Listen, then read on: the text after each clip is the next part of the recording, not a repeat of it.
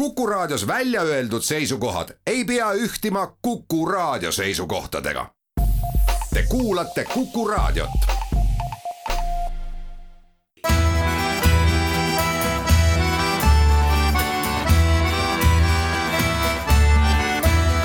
Kirillitsas Eesti tere päevast, head raadiokuulajad, eetris on Kirillitsas Eesti, saatejuhiks nagu alati Pavel Ivanov ja hea meel stuudios tervitada ETV Plussi peatoimetajat Jekaterina Taklet. tere! ja aktiivset ühiskonnategelast ja vaatlejat Olga Ivanovat. tere päevast! meil on äh, huvitavad ajad selles mõttes, et äh, jälgida mitte ainult meediat, aga läbi meedia kujunenud või kujunemas inimeste arvamusi ja suhtumisi sellesse, mis maailmas toimub, on väga-väga-väga huvitav, pean tunnistama, mitte alati see huvi ei ole positiivne, ta on ikkagi pigem negatiivne ja mitte sellepärast, et keegi midagi arvab, vaid sellepärast, et tõesti olukord on pinev ja on ka teatud mõttes ka see pingete üleskruvimine läbi agressiivsuse või siis vastupidi, agressiivsuse kujunemine läbi äh, selle pingete kruvimise on äh, jõudnud ka inimeste ajudesse, mis äh, loomulikult teatud mõttes mõjutab ka ühiskonna arvamust ja loomulikult ka meediaväljaannete tööd ja loomulikult ta mõjutab ka venekeelse meedia Eestis tööd. Äh, ma ütleksin niimoodi, et mulle jätkuvalt tundub, et meil nagu kohalikus venekeelses meedias ei ole piisavalt materjale, mis annavad edasi näiteks seda äh, väga närvilist olukorda Ukraina piiri peal läbi meie enda arvamusliidrite arvamuste. ikkagi pigem on selline öö, tõlgime, repostime, noh kui niimoodi moodsas keeles võib öelda, ja ekspertide arvamusi on suhteliselt vähe mulle tundub, et rohkem nagu just nagu ekspertide arvamusi üritab üle anda venekeelne ERR ehk siis avalik-õiguslik meedia. Ja muuseas eilne saade Kes keda oli üks näide sellest, kus siis stuudios väitlesid omavahel inimesed, kes pidid midagi arvama sellest, kas venekeelne, tähendab nüüd kah, vabandust, stereotüüpne see suhtumine, kas meedia pingestab olukorda või mitte ja sealhulgas ka televaatajatele esitati küsimus, et kes siis on nagu süüdi nende pingete üleskruvimises, kas kollektiivne lääs või siis äh, Venemaa äh,. ma saan aru, et paljud võib-olla ei vaadanud seda, sellepärast et see on nagu mõeldud venekeelsele auditooriumile, aga Katja, kas sa panid tähele, et äh, sinu poolt juhitava kanali selles saates see tulemus tegelikult näitas äh, ühte väga huvitavat tendentsi, kõigepealt sellest tulemusest, ehk siis küsimusele, kes teie arvates alustas pingete üleskruvimisest, kaheksakümmend kuus protsenti vastas, et äh, Lääs, neliteist Venemaa. minu meelest, vot nüüd selle tendentsi juurde, et minu meelest on nagu mõttetu sellel teemal nagu vaidlema hakata, sellepärast et äh, viskame praegu kõrvale tõesti, kes mis põhjusel on ühe või teise positsiooni poolt, aga fakt on see, et ühe positsiooni poolt pooldajaid on enamuses ja sellel pinnal üritada äh, midagi selgeks teha, et asjad ei ole no niivõrd ühesed, ma siin ei kutsu ka üles pooldada konkreetset kollektiivi äh,, kollektiivse lä lääne, eks ole, süüd või mitte, või vastupidi, või Venemaa süüd, ei äh,. Ma arvan, et mõlemad on tegelikult väärt seda, et öelda, et mõlemad te pingutate üle natukene, et äh, minu meelest äh, vene, mul, mul lihtsalt tekkis selline déjà vu tunne eile õhtul peale seda saadet, siis kui ma need tulemused tead, et venekeelsel meedial Eestis ei olegi nagu sellega midagi teha ja vist ei olegi vaja või ma eksin? no ma arvan, et sul on äh, kõigepealt äh, täielik õigus selles, et venekeelseid arvamusi venekeelsel meedial on Eestis täiesti vähe, et kõik need eksperdid, kes võtavad sõna, on äh, väga tihtipeale ikkagi eestikeelsed eksperdid, et meil venekeelses meedias võikski arvamusi erinevatel teemadel olla palju rohkem. Ähm, mis puudutab eilset saadet, siis, äh, siis tõesti, ma pean äh, mainima ka seda huvitavat fakti, et tegelikult see hääletuses osalenute protsent oli, oli väga kõrge, et meile helistati kolm korda rohkem kui tavaliselt helistatakse. Ja et samal ajal käis ähm, sama küsitlus venekeelses uudisteportaalis, kus kanti siis üle otse-eetrist siis ka seda saadet ja seal tulemused olid veidi teistsugused. veidi teistsugused, äh, kakskümmend kaheksa protsenti vist oli nagu seal oli kolmkümmend kolm ütlesid, et ja. Venemaa on süüdi ja kuuskümmend seitse, et Lees on süüdi, et ikkagi see osakaal natukene oli äh, teistsugune, mis on ka seletatav, ma arvan, sellega, et ikkagi internetist jälgivad meediat ähm, noorema põlvkonna võib-olla inimesed ja kes, kes internetist meediat tarbivad, neil on kättesaadavad ikkagi rohkem allikaid äh, ja nende nende arvamused on juba rohkem võib-olla tasakaalus nii-öelda või, või, või kuidagi rohkem läbimõeldud, mm, aga muidu jah, noh, pole salata, et venelased, kohalikud venelased äh, tarbivad äh, ka Venemaa kanaleid äh, ja väga paljud allikaid ja tulemus oli noh, selline, see tendents on väga selge, aga ma arvan, et ikkagi me ei pea vaatamata sellele, me ikkagi peame neid teemasid tõstatama, nende üle arutama. Ja noh, muidugi on raske inimeste meelt kuidagi hoiakuid muuta, seda näitavad noh, ükskõik mis teemat me ei võtaks, kas seda e-, elektri äh, hindade teemat, kas tuleb börsilt lahkuda või mitte, inimestel on ikkagi teatud nagu hoiakud, millest neil on raske äh, loobuda, aga ikkagi meedia peab selles suunas tööd ikkagi jätkama. mul jäi selline mulje, et kõige äh, kaalukam argument nende poolt, kes arvavad, et lääs on kõiges süüdi, siinsete kohalike venekeelsete inimeste seas, on see, et aga Venemaa on ju sada korda öelnud, et me ei taha rünnata Ukrainat. Noh äh,, siin on tõepoolest, sul on õigus, et äh, see küsimus, et äh, kuidas, mis teemal kõnetatakse, ma ei tea äh,, muukeelseid või, või no venekeelseid venekeelseid inimesi siin Eestis, see on nagu hea küsimus ja, ja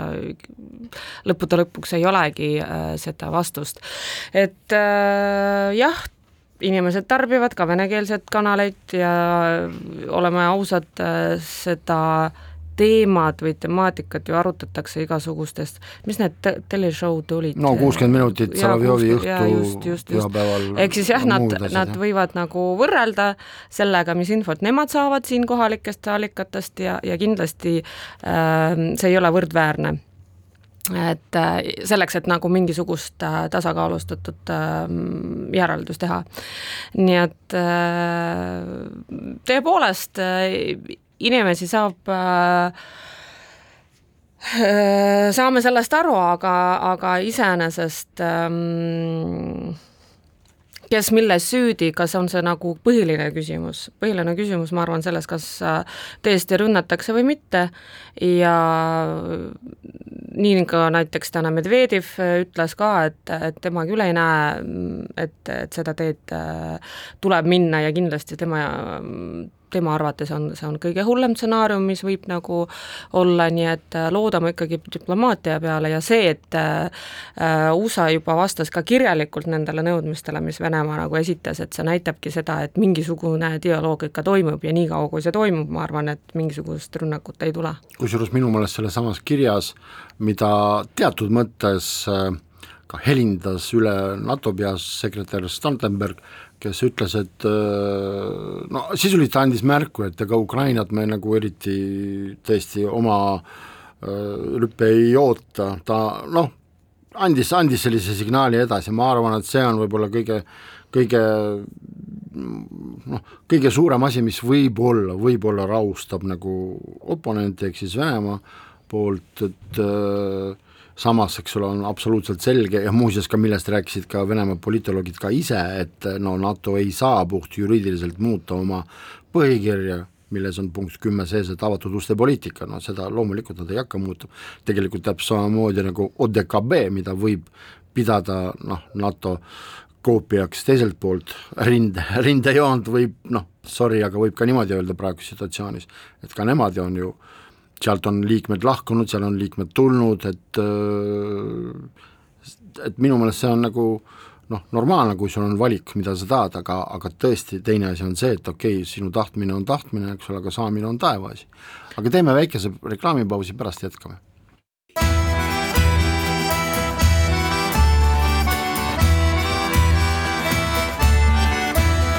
Kirillitsas Eesti.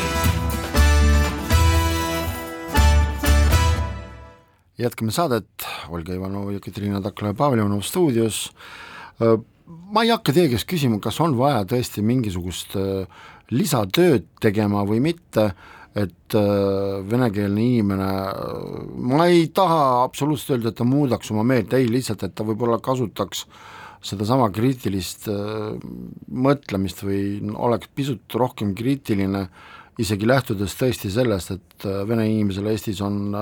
võimalus saada palju laiemat informatsiooni kui ainult näiteks, ma väga vabandan, eestlasel, sellepärast et ikkagi vene inimene valdab enamuses kolme keelt ja tal on võimalus seda saada, seda infot lihtsalt puhtfüüsiliselt rohkem. see ei ole mingi halb asi teiste jaoks, kes nii ei saa tarbida meediat, aga noh, see on nii. et ähm, aga ühest asjast on tõesti kahju, et ei pöörata tähelepanu äh, meedias äh, sellele, et lihtsalt võrrelda puht kas või kommunikatiivselt. Et kellel on milline retoorika, et äh, ma küll pole tõesti oma näiteks viimase paari kuu jooksul jälgides äh, meediat äh, näinud, et NATO näiteks või USA oleks lausa mõnitavas vormis oma in-, info vahenduses toonud selliseid punkte sisse nagu, et kuulge, et te seal, meil on sellised ja sellised lennukid, et te veel, te veel saate ma ei ole sellist asja näinud, aga kui ma vaatan näiteks Venemaa talk show'si, siis see, see ülemäärane agressiivsus, tõesti ta hakkab juba nagu kõrva ja silma riivama, et äh, tahes-tahtmata, isegi kui ma, ma räägin enda arvamust, kui ma loogiliselt, ma saan Venemaa hirmudest aru, ma saan aru, hirmudest. kui sul on tõesti raketid ak-, akna all, jaa, kõik, kõik see on arusaadav, okei okay., aga miks on vaja selle asemel, et leida diplomaatilisi teid, hakata tõesti mõnitavalt, kusjuures irooniliselt hakata ähvardama? Äh, no see on nagu, ma ütleks, et see on pigem äh, mitte, kahju küll jah, et poliitika iseenesest võib olla ka siis äh, suund äh, diplomaatia suunas või siis äh, sõjalise konflikti suunas. antud hetkel ma saan aru, ikkagi tahetakse rääkida, aga jah, sul on õigus, et nendel äh, rääkijatel või siis nende esindajatel on kuidagi jah, selline hästi-hästi alandav toon, et äh, aga iseenesest ju äh, kui me saame aru, et, et tal on, ehk siis Venemaal on omad hirmud ja kui äh, suhtuda ka temasse võrdväärse partnerina, siis võib-olla seda tooni ei tuleks. Sest äh, kui me tuletame meelde, siis kõike nende sanktsioonidega äh, Venemaa on ammu-ammu juba nurka surutud, äh, ta on küll sellest hoopis kasu saanud minu meelest, kui kas või siis sisemine majandus või siis ehk siis koha, kohalik vene, vene mozzarella on tekkinud ja nii edasi, aga kusjuures enamuses Valgevene mozzarella Valgevene mozzarella, jah. aga ikkagi nagu, et tõepoolest kogu see ähvardamine lääne poolt ju oli ju aastakümneid juba, nii et äh, minu jaoks oli märkimisväärne see, et näiteks Austria välisminister vist ütles küll, et juhul, kui tulevad uued sanktsioonid, siis palun mitte lisada sinna Nord Streami kaks. Ehk siis kogu see energiakriis Euroopas samamoodi on, on oma konjunktu- või seda korrektuuri nagu toonud, nii et äh, Äh, no mina arvan, et ikkagi ma loodan ja mulle tundub, et, et kui äh, Venemaa ja USA välisministrid või presidendid omavahel kohtuvad, siis ega nad ka, ega Venemaa ka ei ähvarda USA-d, et ikkagi üks asi on selline suhtlemine diplomaatilisel tasandil ja teine asi on see, mis toimub äh, teleshowdes teleshow'd ongi show'd, nad on su-, suunatud äh, siseturule, nad on suunatud äh, tavapublikule ja seal võib öelda mida iganes ja kuidas tahes. et, äh, et rahvas oleks noh, võib-olla selle eesmärgiga, et rahvast kuidagi kokku hoida, et, et rahvas oleks kindel, et Venemaa on ikkagi endiselt võimas ja näitab nii nagu vaja, et, et see, ma arvan, on teine retoorika teisele sihtrühmale teises olukorras kas me ei peaks sellest välja tegema? kuna see on teine auditoorium? Äh, noh, meie mure võib-olla selle juures on see, et, et meie mm, kohalikud venelased ka vaatavad neid show sid selles mõttes tuleb natuke muret tunda. ja kaheksakümmend kuus protsenti versus neliteist protsenti, kuidas sellesse siis suhtuda? no vot, see tulebki ilmselt sealt. vahetame teemat, tuleme tagasi sündmustele, mis olid eelmisel nädalavahetusel, nagu me teame, kõik oli järjekordne aktsioon, mitte eriti rahvarohke, aga siiski oli, mis oli ajendatud suurtest arvetest, mida inimesed said elektri ja gaasi, gaasi eest ja kui te panite tähele, siis tegelikult teleuudistes olid ka venekeelsed inimesed intervjueeritud. Ja mulle jäi silma nagu kaks sellist intervjuud, üks oli naisterahvaga, vene naisterahvaga, kes siis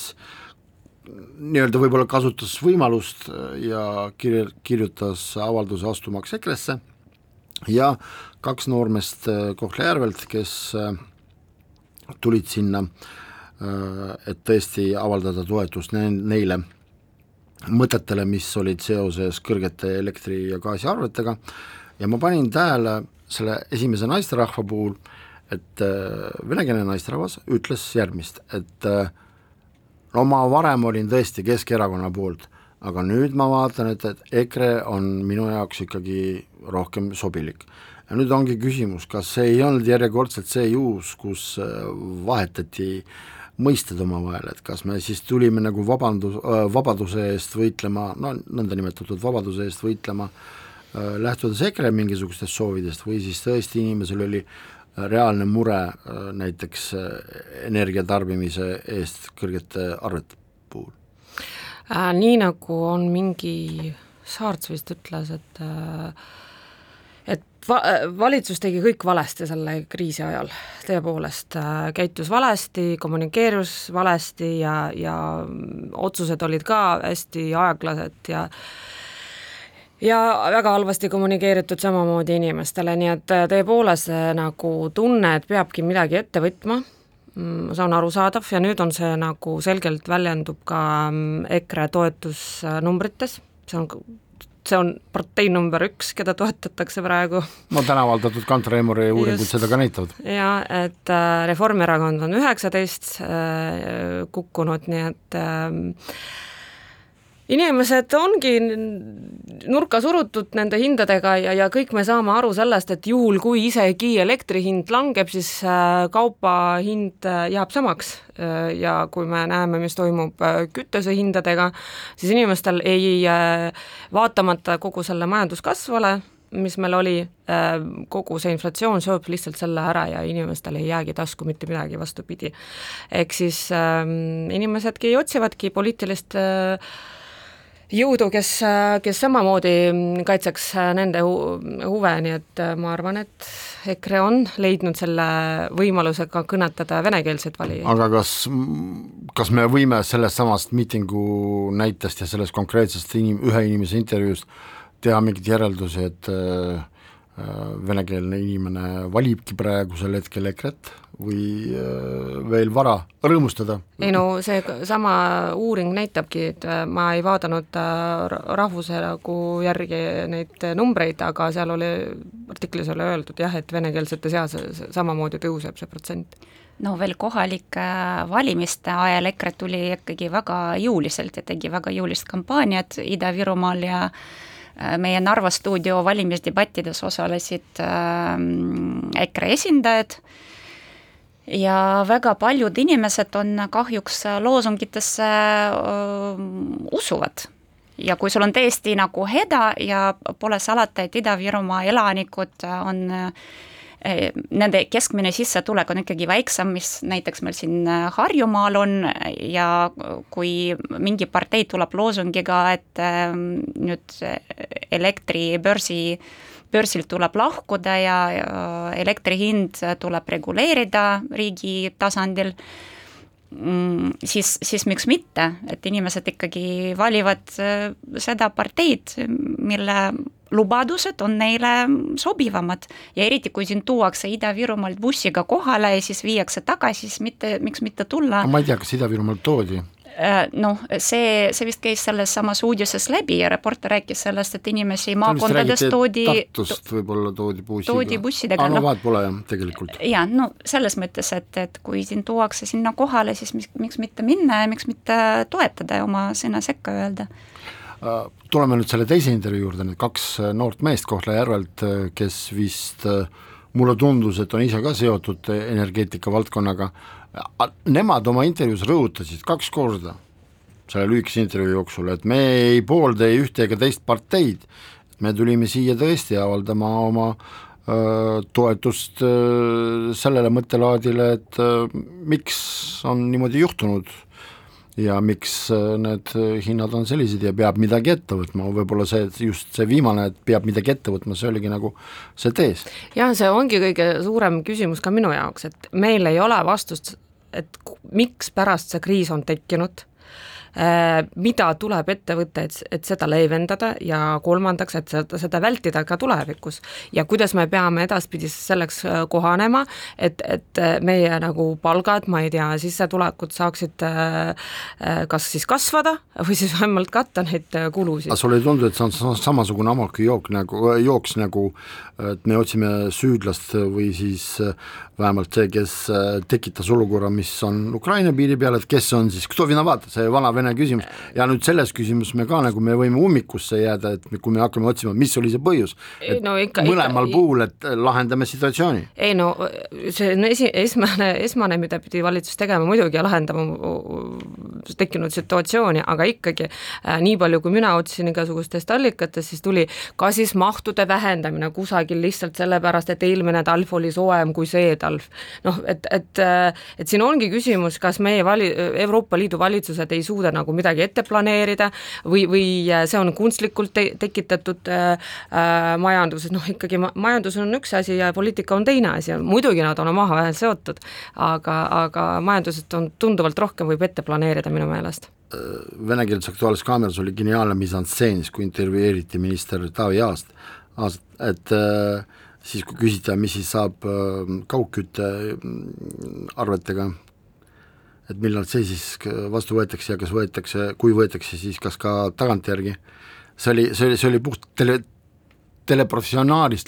tele, teleprofessionalismist lähtus geniaalne, kus siis tabati see hetk, millal inimene lihtsalt ei teadnud, mida vastata ja tegelikult seal ühest küljest oli see traagi-, traagiline, teisest küljest see oli tegelikult koomiline, et noh, selline asi on, aga väikene reklaamipaus, pärast räägime edasi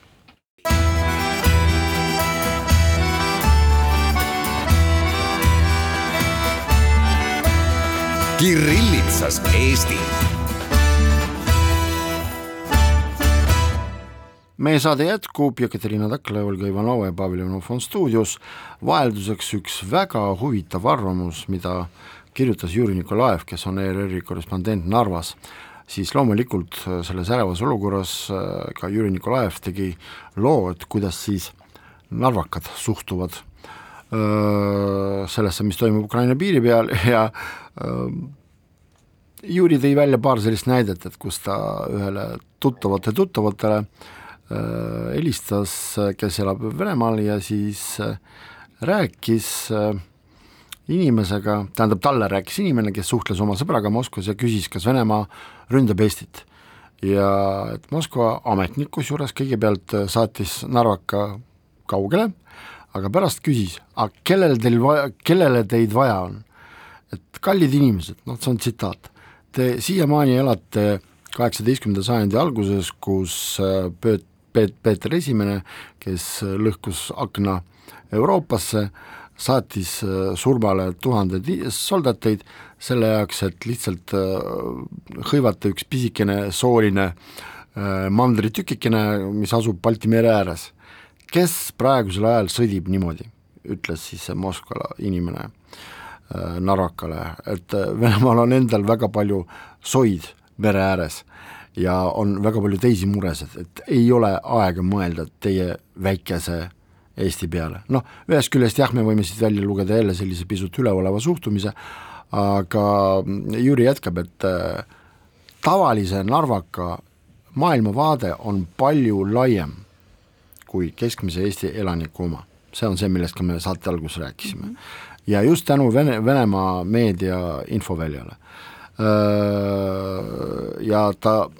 vot nüüd tuleb väga õige tähelepanek ja tegelikult osaliselt ka vastus meie esimesele küsimusele, mis me täna saates käsitlesime, et põhilised Ukraina sõjad või siis lahingud toimuvad viimase seitsme aasta jooksul Venemaa Televisiooni stuudiotes.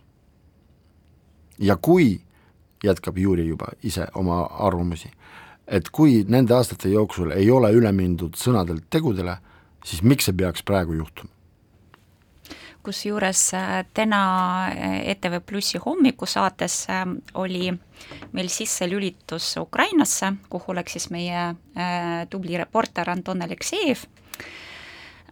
ja tema küsitles samal teemal siis kohalikke piiripealseid elanikke, et kas te usute nüüd, et, et kas nüüd sõda tuleb, kas te kardate sõda? ja nemad ütlesid selle peale, aga me elame sõjas juba kaheksa aastat ja me ei usu, et midagi nagu hullemaks võiks minna, et ühesõnaga seal kohapeal need kohalikud elanikud ka ei usu, et nüüd mingisugused suured äh, sõjalised äh, noh, toimingud äh, äh, aset leiavad.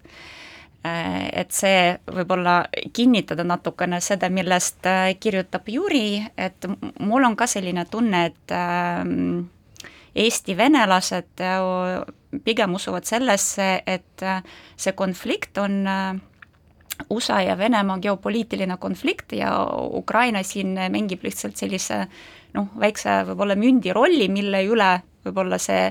see konflikt käib, aga tegelikult asi pole Ukrainas. ja kusjuures tegelikult, kui vaadata tõesti viimaste päevade retoorikat, mis tuleb Kiievist, siis tõesti on pigem niisugune rahustav, et kuulge, et kõik on kontrolli all, mitte miskit äh, ei toimu, mul on selles mõttes aga kahju, et meedia ei võtnud kinni ka nagu meie äh, kaitseväe juhataja härra Heremi mõttelaadi, mis on täpselt samasugune, et kuulge, no et äh, pole vaja nagu praegu ilmaasjata nagu paanitseda. Ja ma eile rääkisin telefoni teel äh, Riigikaitseuuringute Keskuse tegevjuhiga Dmitri Teperikuga, kes pidevalt on Ukrainas ja ka praegu, ja ma küsin, et kuule, aga tõesti, et vot kui ma lähen täna saatesse ja kui me räägime just nagu venekeelsetest inimestest, et mis oleks see sinu poolt see noh, kas soovitus või siis lihtsalt mingisugune märguanne just nagu venekeelsetele inimestele, kuidas sellesse kõike, kõikidesse kogu sellesse kompotti suhtuda, siis ta ütles täpselt sedasama mõtet, kuulge, vaatame tegude järgi. Et äh, kaalutlegem seda asja,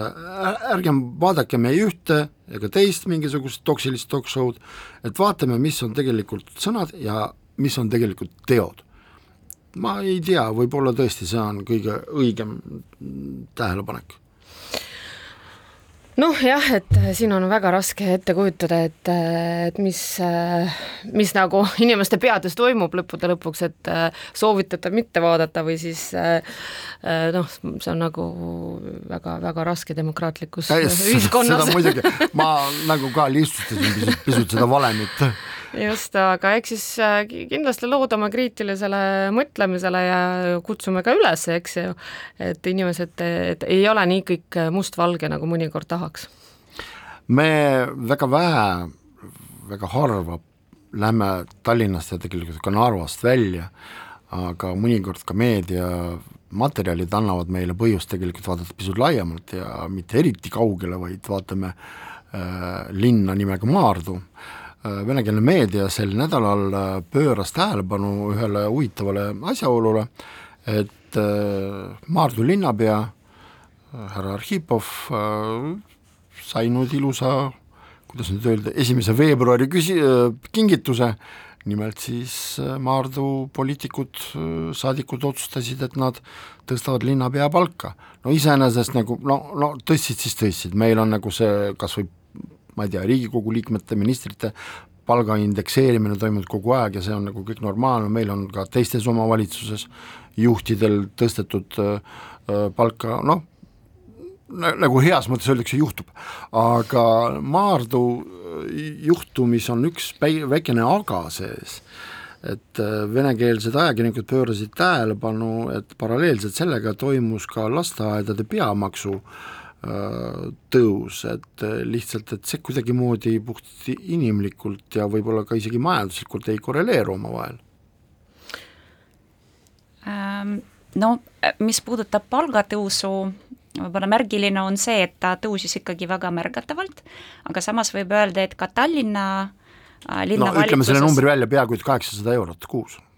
äh,. Jah, midagi sellist see oli, et see on ikkagi kolm tuhat üheksasada, see, see number praegu on, et ta oli ikkagi väga oli see kahekümneprotsendiline siis tõus või noh, ikkagi väga-väga suur tõus oli aga ütleme ka, et Tallinnas äh, sellel aastal, selle aasta algusest äh, tõusid äh, linna juhtide palgad ja volikogu ja valitsuse liikmete palgad ka mõne protsendi võrra, mis olid siis külmutatud vist aastal kaks tuhat kakskümmend ja kakskümmend üks palgatõusu ei toimunud, ma lugesin just, kontrollisin seda info üle, et julgen seda, seda väita aga, aga mis puudutab lasteaedade tasusid, äh, siis Maardus tõusis see, see viie euro võrra, ehk nüüd on see neli, nelikümmend eurot vist, ja see on ka selles mõttes seletatav, et elu läheb kallimaks ja Tallinnas on seda kogu aeg olnud ka tehtud, miinimumpalga määrale on see, on see tasu kuidagi sellega kuidagi seotud. Mm, Tallinnas äh, on see tõus külmutatud sellepärast, et äh, see oli äh, Keskerakonna ja sotside koalitsiooni kokkulepe selline, et niikaua, kui see koalitsioon püsib aga Maardus on sisuliselt ainuvõim. jaa, kohatasu tõusu ei tule. aga Maardus on see ainuvõim, seal ei tule koalitsiooni teha ja kellelegi ei pea midagi lubama no oleme ausalt, äh, ühelt poolt ma olen äh, nõus sellega, et jah, elu läheb kallimaks, jah, tippjuhtide palgad võikski kasvada, aga mm, kui me ikkagi vaatame mm, poliitilistele kohtadele äh,, siis äh, isegi mitte poliitilistele juhtidele, vaid lihtsalt juhtidele, et äh, tõstetakse palka siis, kui on mingisugune äh, tulem, eks ju äh,. kui me vaatame äh,, Maardu elanikkonnas on umbes viisteist kolmsada inimest, viisteist tuhat kolmsada, äh, ja nende eelarve ei teeni piisavalt, et ehk siis nendel ei ole endal seal sees linnas võimalusi juurde teenida ehk siis maksude näol. maksude näol, just nimelt, et see tähendab, et sa küll lihtsalt võtad juurde kogu sellest äh, potist ja endale. Tallinnas töötavate maardukate äh, tulumaks ei laeku Maardusse? ei laeku ja lisaks sellele, et nendel perekondadel, kellel inimesed on registreeritud näiteks Tallinna linnas selleks, et kasutada ühistransporti äh,, nemad maksavad äh, lasteaia kohatasu eest sada eurot, et nüüd hakkavad maksma sada kolmkümmend nii et äh, see ei ole kuidagi väga äh, võrdväärne kohtlemine, mulle tundub, aga noh, eks siis see on nagu linna siseasi. aga lihtsalt selles mõttes, et äh, jah, et seal oli kirjas ka, et nendel laste, lasteaedade ja koolide õpetajatel tõsteti palka, aga nende protsendiline siis tõus oli seitse protsenti ja kui ma ei eksi, siis äh, äh, lisaks sellele palgale, mis saab tal- või Maardu linnapea kolm tuhat üheksasada, ta saab veel viisteist või kakskümmend protsenti lisatasuna iga kuu ka. siin on veel üks ka kommunikatiivne probleem järjekordselt, et äh, ma saan aru, et seal on ainuvõim ja mitte ainult äh, poliitilise liikumise poolt, vaid ka tegelikult teatud mõttes ka autoritaarsus on ka selle juures, ärgem varjakem seda, tõesti, seda on näha ja minu meelest vaatamata kõikidele nendele asjaoludele, minu meelest Maardu linnavalitsuse meediainimesed võiksid aru saada, et mida rohkem avatumad nad selles situatsioonis on, seda oleks parem, sellepärast et no ma ausalt öeldes, ma võin eksida muidugi, ma vabandan ette, võib-olla ma midagi ei näinud, aga nii palju, kui ma vaatasin oma silmaga neid kommentaare selle äh, palgatõusu uudise ümber, siis ega ma eriti mõistlikke kommentaare linnavalitsuse poolt ka ei näinud või siis linnavolikogu poolt, et äh, see teeb asja nagu hullemaks. no ma arvan, et nad ei pea vajalikuks lihtsalt äh, midagi seletama kellelegi, sellepärast et Arhipov on nii kindel, et ta on seal selline kohalik kuningas, et ta näiteks ei tule mitte kunagi ETV Plussi debattidesse sest A, ta miks? lihtsalt, no sellepärast, et tal ei ole alternatiivi, ta reaalselt alternatiivi linnas ei ole, selles mõttes, et ta oota, aga nii... kui ta meediakanalisse ei tule, siis tal ei ole ka argumente vist no selles mõttes, et ta, ta ei pea vajalikuks ikkagi oma oponentidega mm. debateerima et, et miks, ma ei tea, Keskerakond või tema kandidatuur näiteks kohalikel valimistel tuleb eelistada, sest ta on nii kindel, et nagunii valitakse teda. et ta isegi ei lange sinna tasemele, et, et tulla oma oponentidega mingit vestlust pidama. seda on näidanud meie, meie valimisdebatid. noh, ja sellest Äh, tulenevalt, äh, milleks kommunikeerida, kui nagunii mitte keegi ei küsi, mitte keegi sind äh, noh, ei, noh, ei küsi, ei küsitle, ei nõua mingit seletust, miks sa pead seda teemat ise tõstatama? nojah, ma no, kui me mõtleme kommunikatsiooniteenistuse yeah, poole, kui kõik on vait ja tasa, siis milleks sa hakkad nagu seda tormi kuidagi üles siis tundub, kõik ongi korras. väike reklaam, pärast jätkame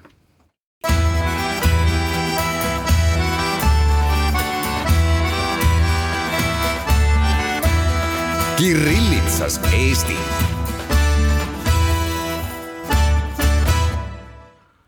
jätkame saadet, räägime natukene hoonetest ja rajatistest, mis äh, on teatud mõttes inimeste peades sakraalsed, ma ütleksin lausa,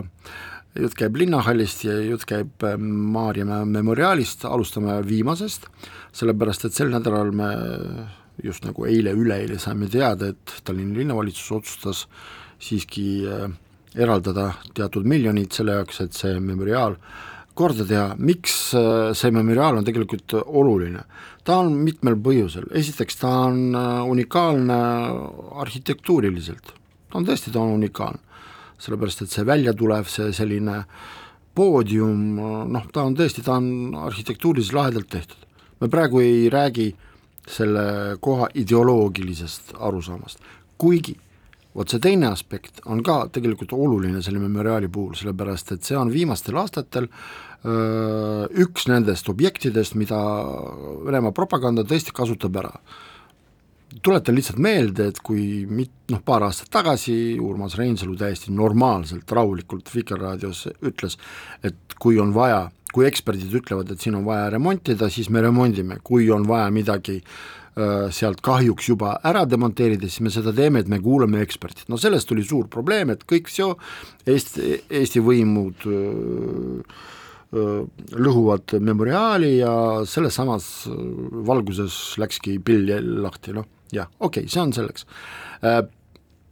ausalt öeldes, kui ma eile kuulasin abilinnapea Vladimir Sveti selgitusi sel teemal, siis üks asi jäi nagu minu jaoks pisut arusaamatuks. aga mida siis hakatakse tegema, kas hakatakse korrastama? Või hakatakse tõesti seda viima sellisesse konditsiooni, et ta ei oleks inimestele ohtlik, kes seal käivad? Ma ei tea, kas praegu seal käivad pulmalised fotosid tegemas, varem vähemalt käisid, tõesti, ma ei tea, no jah, okei. Okay., praegu on teised ajad ja tehakse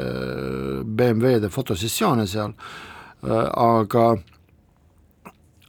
minu jaoks jäi arusaamatuks, võib-olla teie oskate mind aidata ja ka raadiot, raadiokuulajaid ka, et aga noh, mis on see suund, kas suund on, et Tallinna linn saab endale, enda kasutusse või mitte, ma ei saanud sellest aru, jah, Keskkonnaministeerium andis oma nõusoleku, et seal midagi teha, eks ole, korrastada seda mis no. Äh, minul jäi kõlama, ma lugesin ka või vaatasin seda, aga äh, siis tükki eile üle, et äh, Vladimir Svet ütles sellist asja, et nad ei soovi hoonestada seda memoriaali, vaid pigem teeks mingisugust võib-olla interaktiivset ekspositsiooni või midagi, äkki midagi sellele sarnast nagu kõrval olev siis Maarjamäe kommunismi ohvrite memoriaal noh, siis on üldse natukene arusaamatu. ma ei tea, ütlen ausalt sellest midagi, aga ma tean, et meil on väga libedad tänavad. see on ainukene, mis mul Svetiga seostub mul nagu praegu peas. nojah äh,, ei, ma saan aru, et tõesti selles saagas, selle memoriaaliga on vaja mingisugune lõplik kas või juriidiline punkt panna, kellele ta siiski kuulub ja kes siis võib seal midagi teha äh, lihtsalt mind nagu häirib selline, mind millegipärast ei lase lõdvaks see mõte, et et järsku see on mingisugune öö, poliitiline asi ähm,? Kui ma mäletan õigesti, seal asi oli selles, et äh, see obelisk ise kuulub vist Tallinnale või asub Tallinnale kuuluval maal ja siis ähm,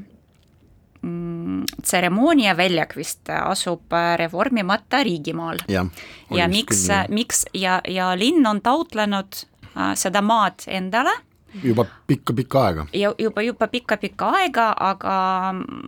Riigi kuna meil on kogu aeg, on olnud mingisugune kriis, kas valitsuskriis või energiakriis või, või koroonakriis,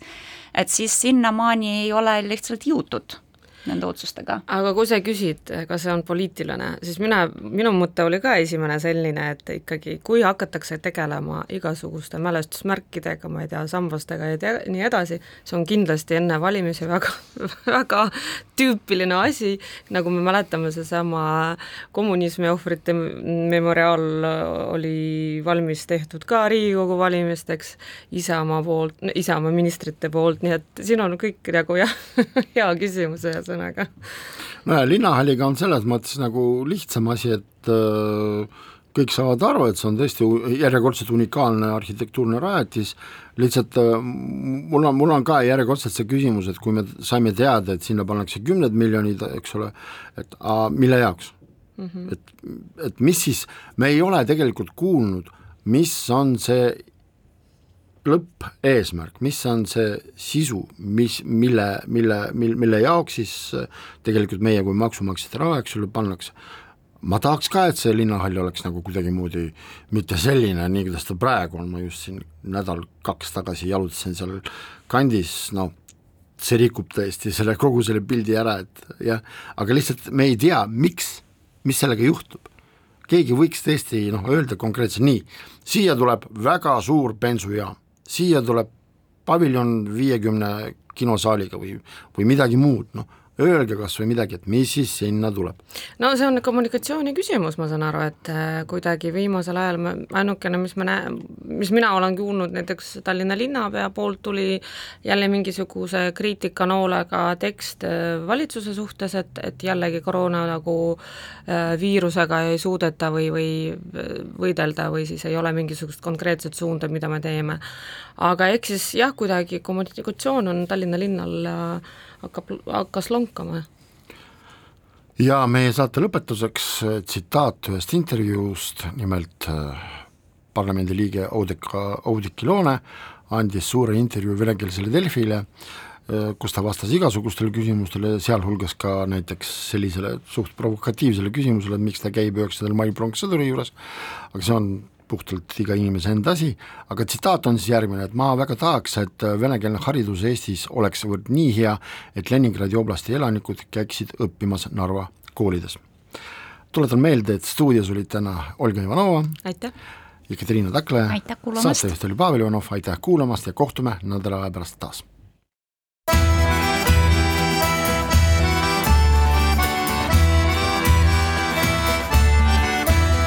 Kirillitsas Eesti